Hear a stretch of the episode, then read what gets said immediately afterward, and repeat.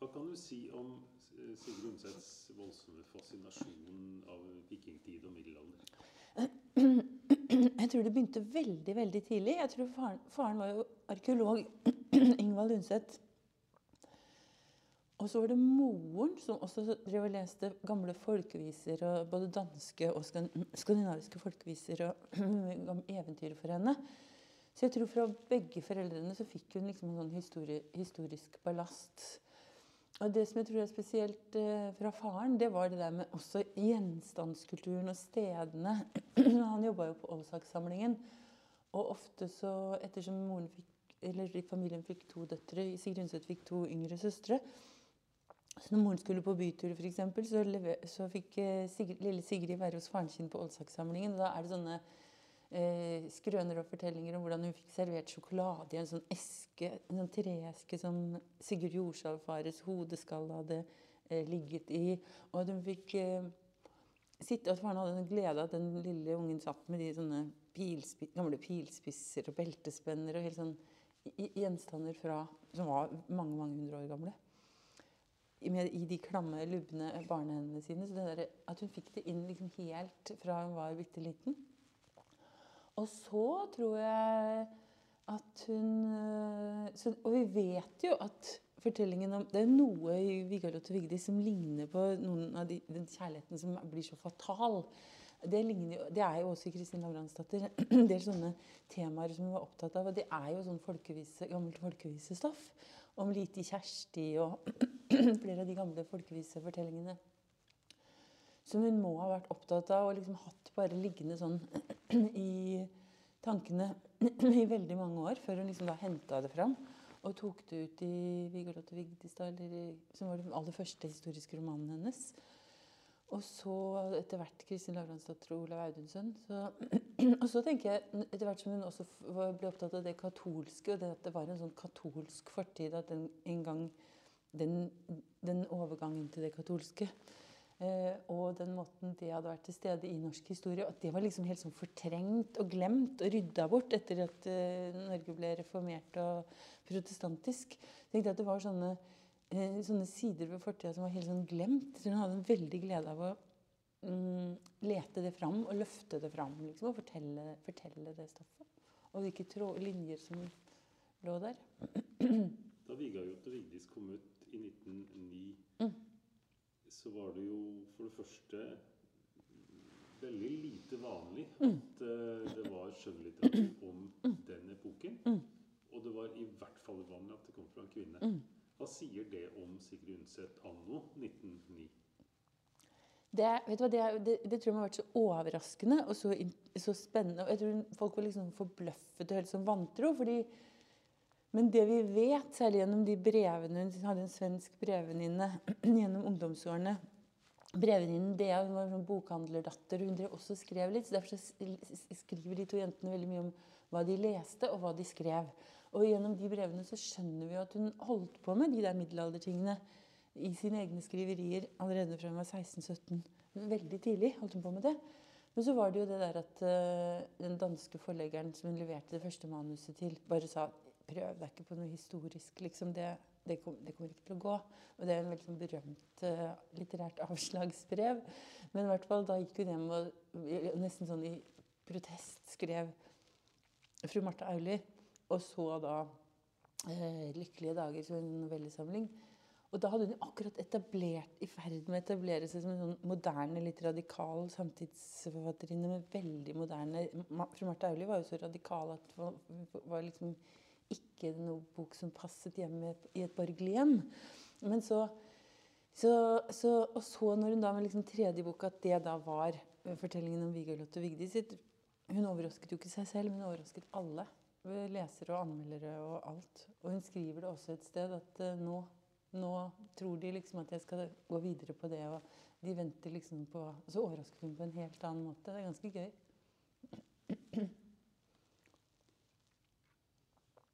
Kan vi også si litt om Hoppe litt da temamessig her, men Sigrid som alenemor med flere barn kunstner og yrkeskvinne. Mm. Eh, hvordan passa hennes liv inn i samtiden? Hun var nok øh, Hun er jo det, det, er jo det at man tenker ofte på henne som litt sånn konservativ. og Hun kom jo så på kant med kvinnesakskvinner og feminister f.eks.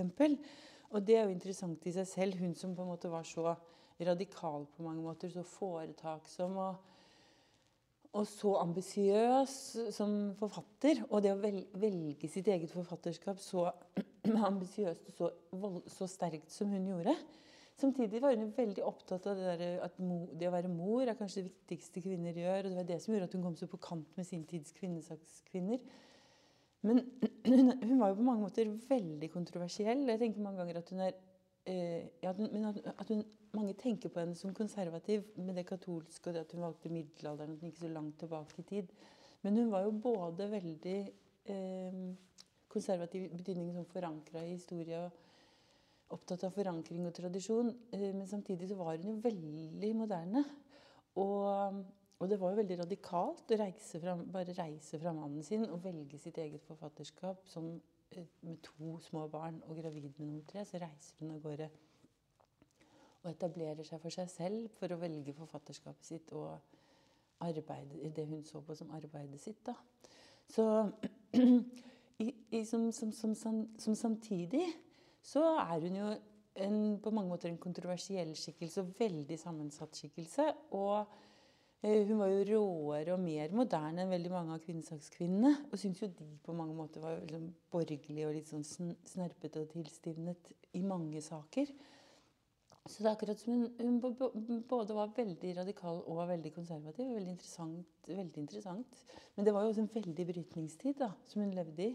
Det var liksom fremveksten av de store, moderne byene samtidig som du har et tradisjonelt uh, liv Mange levde et tradisjonelt liv fremdeles på gårdene og rundt i landet. da. Så det er en veldig, veldig sånn sammensatt tid, og det speiler hun veldig. Mm. Vi er jo på Bjerkebekk. Mm. Eh, hun valgte da vekk bylivet. Mm. Eh, og Lillehammer mm. anno 1920 var mm. jo mer land enn det er nå. Hvorfor gjorde hun det?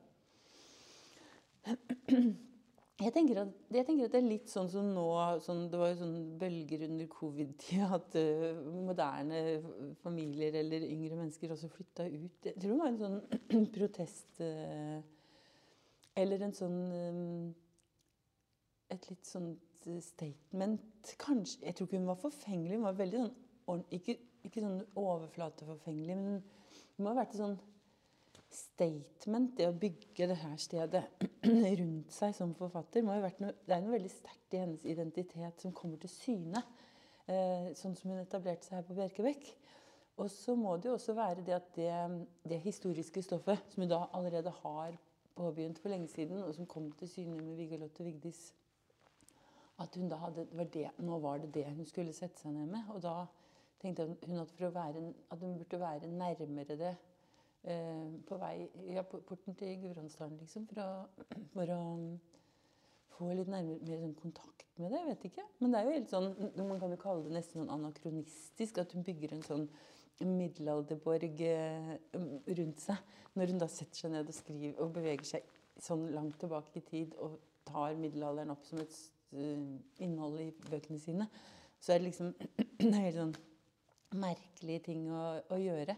Men, mm, og, det, og, det, er klart det var noe tilbakeskuende, men det var også noe veldig moderne med det. Sånn som det går, sånne ting går i bølger. at Nå er, nå er, det, nå er det, jo inn igjen det der med eh, lokalt, det, lokalt håndverk, det å dyrke ting selv, og selvberging. og at vi må ha den, de der forankringspunktene. Jeg tror hun var opptatt av det. Hun skriver i brev til venninnen din Roll Anker at hun er kjempefornøyd når hun endelig kunne anlegge sin egen eh, grønnsakshage og potet, eh, potetåker og sånn. Så hun har, eh, har, poteter for hele vinteren til seg og hele familien sin. Der er hun sånn skikkelig fornøyd. Og urtehage hadde hun jo. Så det, det er på en merkelig måte sånn eh, tradisjonsbundet og moderne. Og det var det den gangen òg. Og nå er det sånn Gjorde hun det? Jeg tenker at det men det var jo ikke, men den gangen var det jo, da var det jo De fleste flyttet jo til byene. Så det var en sånn ordentlig motstrømsmanøver hun gjorde. Og et veldig bevisst valg. Da. Ja, for det var, det var jo her mm. Kristin Lavransdatter Mm. ble laget. -hmm. Kan du si litt om rommene i det huset som heter Bjerkebekk? Ja, det er, jo, det, er jo, det er jo det at de veggene At det er gamle vegger, at hun omgir seg med så gam, mange gamle gjenstander som hun samler. Hun samler jo også eldgamle bøker og smykker og ting som hun omga seg med sånn Nærmest sånne rekvisitter og ting da, som fra den tiden hun skrev om. Og hun leser opp gamle sånn biskopsprotokoller og klosterregnskaper og alt mulig sånn som hun forteller i brevet at hun sitter og setter seg inn i. Og vi vet også fra brevet hun skrev med brevvekslingen med Fredrik Påske, for eksempel, som var middelalderhistoriker, hvor hun spør han masse spørsmål og er veldig opptatt av å få det historisk riktig. Det er en sånn research. Og så er det, når, når vi går inn, Bjerke, inn på Bjerkebekk, så er det der, den følelsen av de rommene innenfor rommene. Og hvordan hun da beveger seg inn i det litterære landskapet som også går ned i, eh, tilbake i tid. Så får du en sånn bevegelse som ting henger veldig sammen. Og så tror jeg også at det betød noe at Maihaugen var her borte. fordi der, var jo, der hadde jo akkurat bjørnstatuene som var flytta fra oppe i Vågå og flytta ned til Det var jo den første gården i Norge som kom på museum. Og, det var jo, og der borte var hun og gjorde research. liksom, For det er en gård med masse hus, sånn bryggerhus. og så, så, og når en leser, så er det akkurat som du skjønner at hun har gjort veldig veldig grundig research uh, på uh, alle måter. Og at hun også liksom tok det helt ut og flytta inn i en sånn uh, gammel lafta Gammel gård, nesten. Sjøl. og der satt hun da Mm. Var mor på dagtid Mm. og forfatter på kveld Mm. og natt. Mm. Med Kaffe og sigaretter, de beryktede sigarettene hennes og, og, det, og, den, og den svarte kaffen. Forteller det hun, en av de hushjelpene hennes at hun alltid måtte koke en stor kanne eh, ordentlig svart kaffe og sette inn til henne om kvelden. Og så var det alle de sigarettene. Og da, og da, for det var da det var endelig fred og ro i huset. Og vi må huske på det at eh, hun, når hun flytta hit, da var hun jo hun var jo en etablert, hun hadde jo hatt et gjennomslag med Jenny og hadde jo, var en etablert forfatter, men hun hadde jo ikke noe god økonomi. Så da, først så leide hun jo bare det huset, og så Men det var jo Så når hun satt og skrev første bind da, så, så hadde hun jo masse forpliktelser. Og hun var opptatt av å liksom ta vare på lage mat og Så hun, da holdt hun jo på med alt det. Og så tok natta i bruk til å, til å skrive. Men så skjer jo det at det Kristin, det første bindet eh, selger jo så mye at hun eh, plutselig blir rik. Så hun kan jo ansette både hjelp til å passe barna og hushjelp. Og, så da får hun jo hjelp, og hun setter opp enda et hus. Og, så da forandrer jo hele da, da, Så da kan hun etter hvert trekke seg tilbake. Men hun sitter jo der og skriver på tre år hele verket om Kristin Lavransdatter. Det er ganske fascinerende. Med, som alenemor og masse barn, barnas venner og stebarn og rundt seg. to temaer til. Eh, Sigrids ja, kall det gjerne antinazistiske engasjement. Mm. Eh, kan du si noe om hvordan det begynte, og Mm. eh, den tida fram da til krigsutbruddet? Mm. Jeg tror at det og hun, hun, øh, hun var jo veldig sånn orientert. Hun hadde jo reist. Hun reiste jo til Roma. Det var jo før første, før første verdenskrig. Så det var jo et helt annet Europa. Men så, men så hadde hun alle de årene hvor hun jobba på kontor. Så det var jo Wisbeck Co. het det. Og det var et sånt datterselskap av AEG. Et sånt tyske, tyske elektrisk sånn hvitevarer, kaller vi i dag, da, men det var ikke helt det, men sånn elektrisk, mm, elektriske artikler. Så da var hun jo Jeg tror hun var en veldig flink kontordame. Selv om var, hun måtte jo bare ta den jobben for å forsørge moren sin og seg selv og søstrene sine etter at faren døde. Men, men da lærte hun seg jo å scenografere og lese tysk. Og leste tyske aviser. Så, så, så, så, sånn sett så var hun nok veldig sånn orientert og, og, og så, allerede, allerede i mellomkrigstida så så hun liksom hva som var under opprulling ideologisk under, i, i mellomkrigstida. Så det var hun veldig orientert om. Og så tror jeg også det betød mye det at hun hadde en datter selv som var så omsorgs... Eh, trengte så mye om, ekstra omsorg, både psykisk og fysisk. Fordi det var jo Eh, og det var jo debatter her hjemme i Norge òg. Det er debatter om rase og det de sterke eh, Og hun la seg jo ut mot tenk, Hun og Hamsun delte jo nesten norsk offentlighet imellom seg. Hamsun som skrev liksom 'ærer de unge' og veldig den vitalismen hvor, man, hvor ungdommen og det, alt det sterke og det oppvoksende liksom at det er men Sigrid Undset var en veldig sånn fors forsvarer av det svake, kunnskapen hos de eldre, og skrev flere ganger innlegg i aviser mot Knut Hamsun. Så det var jo liksom ideologiske sånn forløpere for det som kom eh, eh, på slutten av 30-tallet. Det, det, begynte jo liksom tidlig. Så, der, så i, i, det ideologiske landskapet så markerte hun seg tidlig. Og allerede i, i 36 så skrev hun om rase og fremskritt og flere av de ideologiske eh, debattene i tiden i et sveitsisk eh, tidsskrift. Og det gjorde jo at hun til og med ble veldig omstridt eh, i Tyskland. Som, og da var jo Sigrid Undset kjempesvær i, i, i, i, Tyskland. Der hun nesten hadde aller flest lesere. Hun var jo liksom en litterær stormakt på en måte. På en måte. Og det, da var hun så kontroversiell i forhold til, og var så kritisk til det ideologiske som var under opprulling i Tyskland, at uh, det ble mange, mange, sluttet å lese henne, liksom. De som da var for eh, det nazistiske ideologiske uhyret som var under opprulling der. Så det, så det, så det kom liksom kom, Så når krigen kom til Norge, da, jo, da, hadde hun jo allerede markert seg så tydelig at ble Det var jo ikke noe tvil om at hun fordi tyskerne ville jo innrullere alle litt sånn sterke meningsbærende stemmer i sitt propagandaapparat, og det lyktes de jo veldig godt med, Hamsun. Men hvis man motsatte seg det, så ville det jo være farlig. Så jeg tror at det hadde vært, eh, så hun, så hun måtte flykte eh, fra landet pga. meningene sine. Så hun var jo, var jo, på en måte Det der å måtte da flytte fra Bjerkebekk og alt hun, og alt hun elsket, liksom, og så være i eksil i fem år, det er, det er spesielt.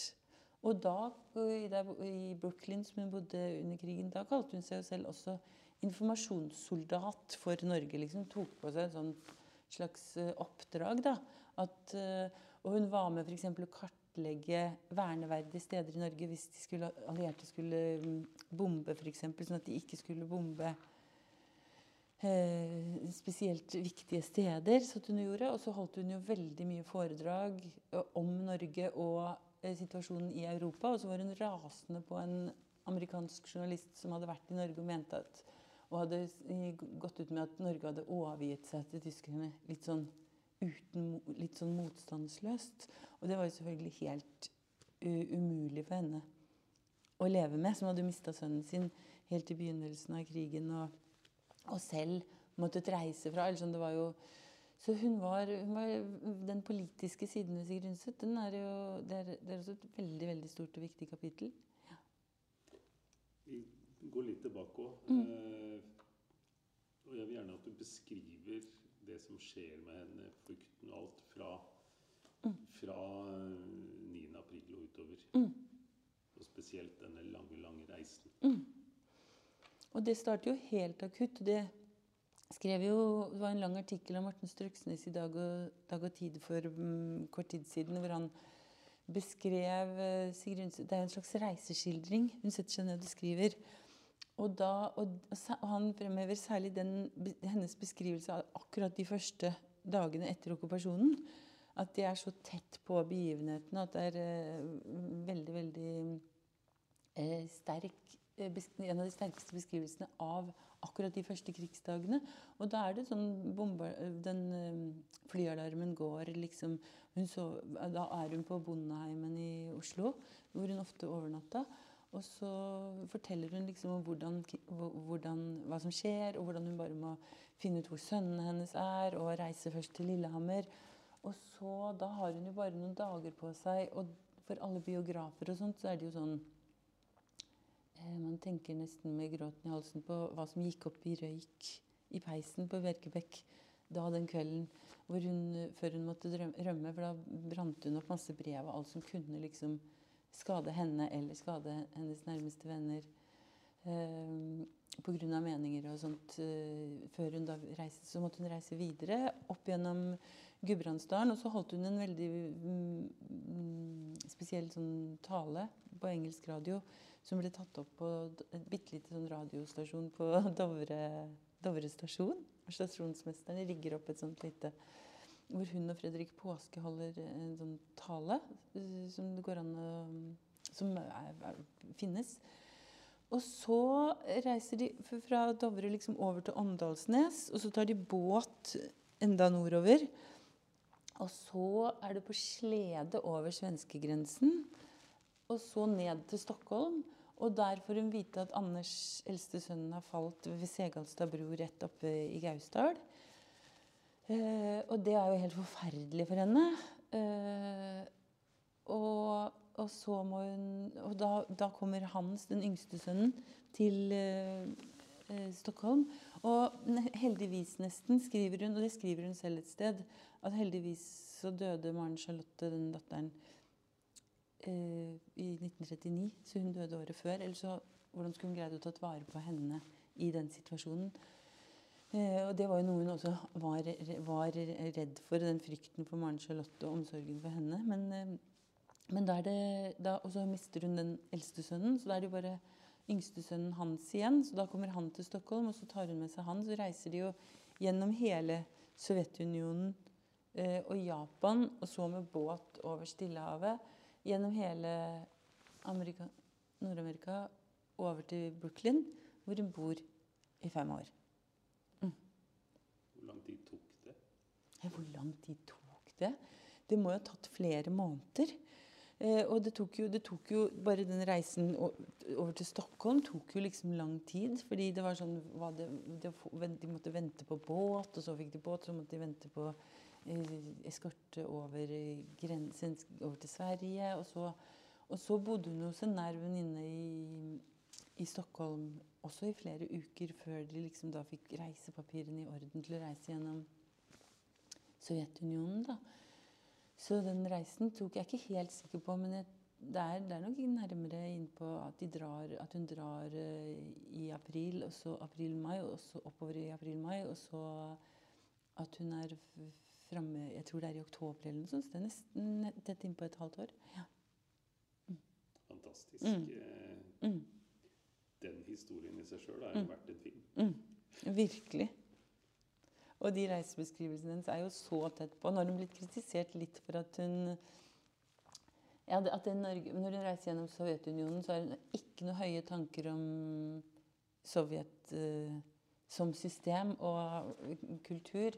Så der er hun veldig sånn ensidig. Der, eh, på toget gjennom der. Det er, det er en lang reise òg, men da skildrer hun liksom at til og med kubbene ser ikke helt uh, bra ut. Så da går hun litt sånn langt i ensidighet. Uh, og det fikk jo fatale konsekvenser igjen, fordi når hun, når hun da kom til Brooklyn og satte seg ned og skrev denne boka, denne reiseskildringen, i 1942, eh, to år etter, så så kom den ut på både engelsk og dansk og flere språk eh, med en gang.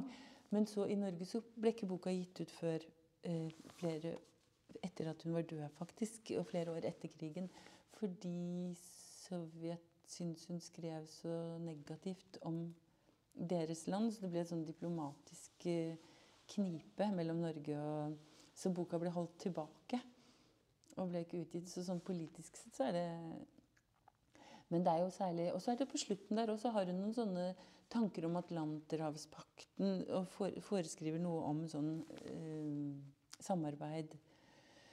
Eh, eh, fredssamarbeid og allianser, da, som er, som er, også veldig sånn forutseende. Men, eh, men, det er veldig interessant side av forfatterskapet hennes. Som har vært litt sånn bortgjemt. Vi gir oss snart nå, men veldig kort sånn til slutt. Hvor mye gleder du deg til å se fortellingen om Vigayot og Vigdis på scenen? Det er veldig Vet du hva, akkurat Vigalotte Vigdis, det er, så, det er så utrolig fascinerende at det er akkurat den som løftes fram. For det er en så bortgjemt eh, fortelling i Sigrun Sets forfatterskap. Eh, samtidig som når en begynner, å tenke på den og leser den Og jeg leser den opp igjen nå, for, eh, jeg har lest den flere ganger tidligere. Men det er altså en så fascinerende fortelling. Og det er kanskje det villeste hun har skrevet. Og hun Vigdis Gunnarsdatter fra Vadin, hun må jo være den råeste dama som, er, eh, som fins nesten i verdenslitteraturen. Hun, jo, hun går jo utapå alle.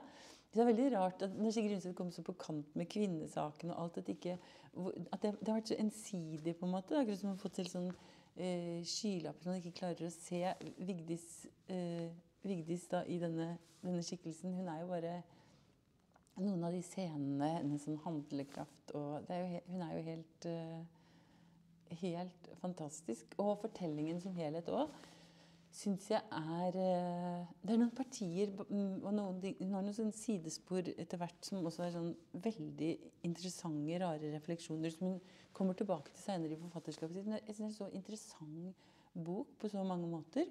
Og så er den jo Den ligger jo Man tenker Ja, det er også en historisk roman, men den ligger jo ganske Ligger flere hundre år før Kristin Lavransdatter. Så det er en helt annen tid hun går inn i. Det er klart Når vi ser fra vår så er det liksom, litt sånn samme tid. Det er, jo, det er jo egentlig enda et annet tidsrom som hun går inn i der. Men uh, det er en skikkelig fascinerende historie. Og helt så rar og så rå og så overraskende og forunderlig. Uh, både som kjærlighetshistorie og drama. Så uh, jeg gleder meg skikkelig til å se den på scenen. Og så er det det at Sigrid Undset var jo hun var for eksempel, Jenny, for eksempel, som ble spurt om senere. Men ikke noe glad i den, ikke noe begeistret for den boka. Men fortellingen om Vigalotte og Vigdis, det, det, var en bok hun selv eh, Og det sa, sa hun til en niese, og det blitt fortalt i flere sammenhenger at det var en bok hun selv satte veldig pris på og satte høyt. Så det er utrolig morsomt at akkurat den blir uh, løfta fram nå. Jeg håper mange også får veldig lyst til å lese den. For den, at blir en, eh, forestillingen blir en inngang som folk får lyst til å lese enten før eller etterpå.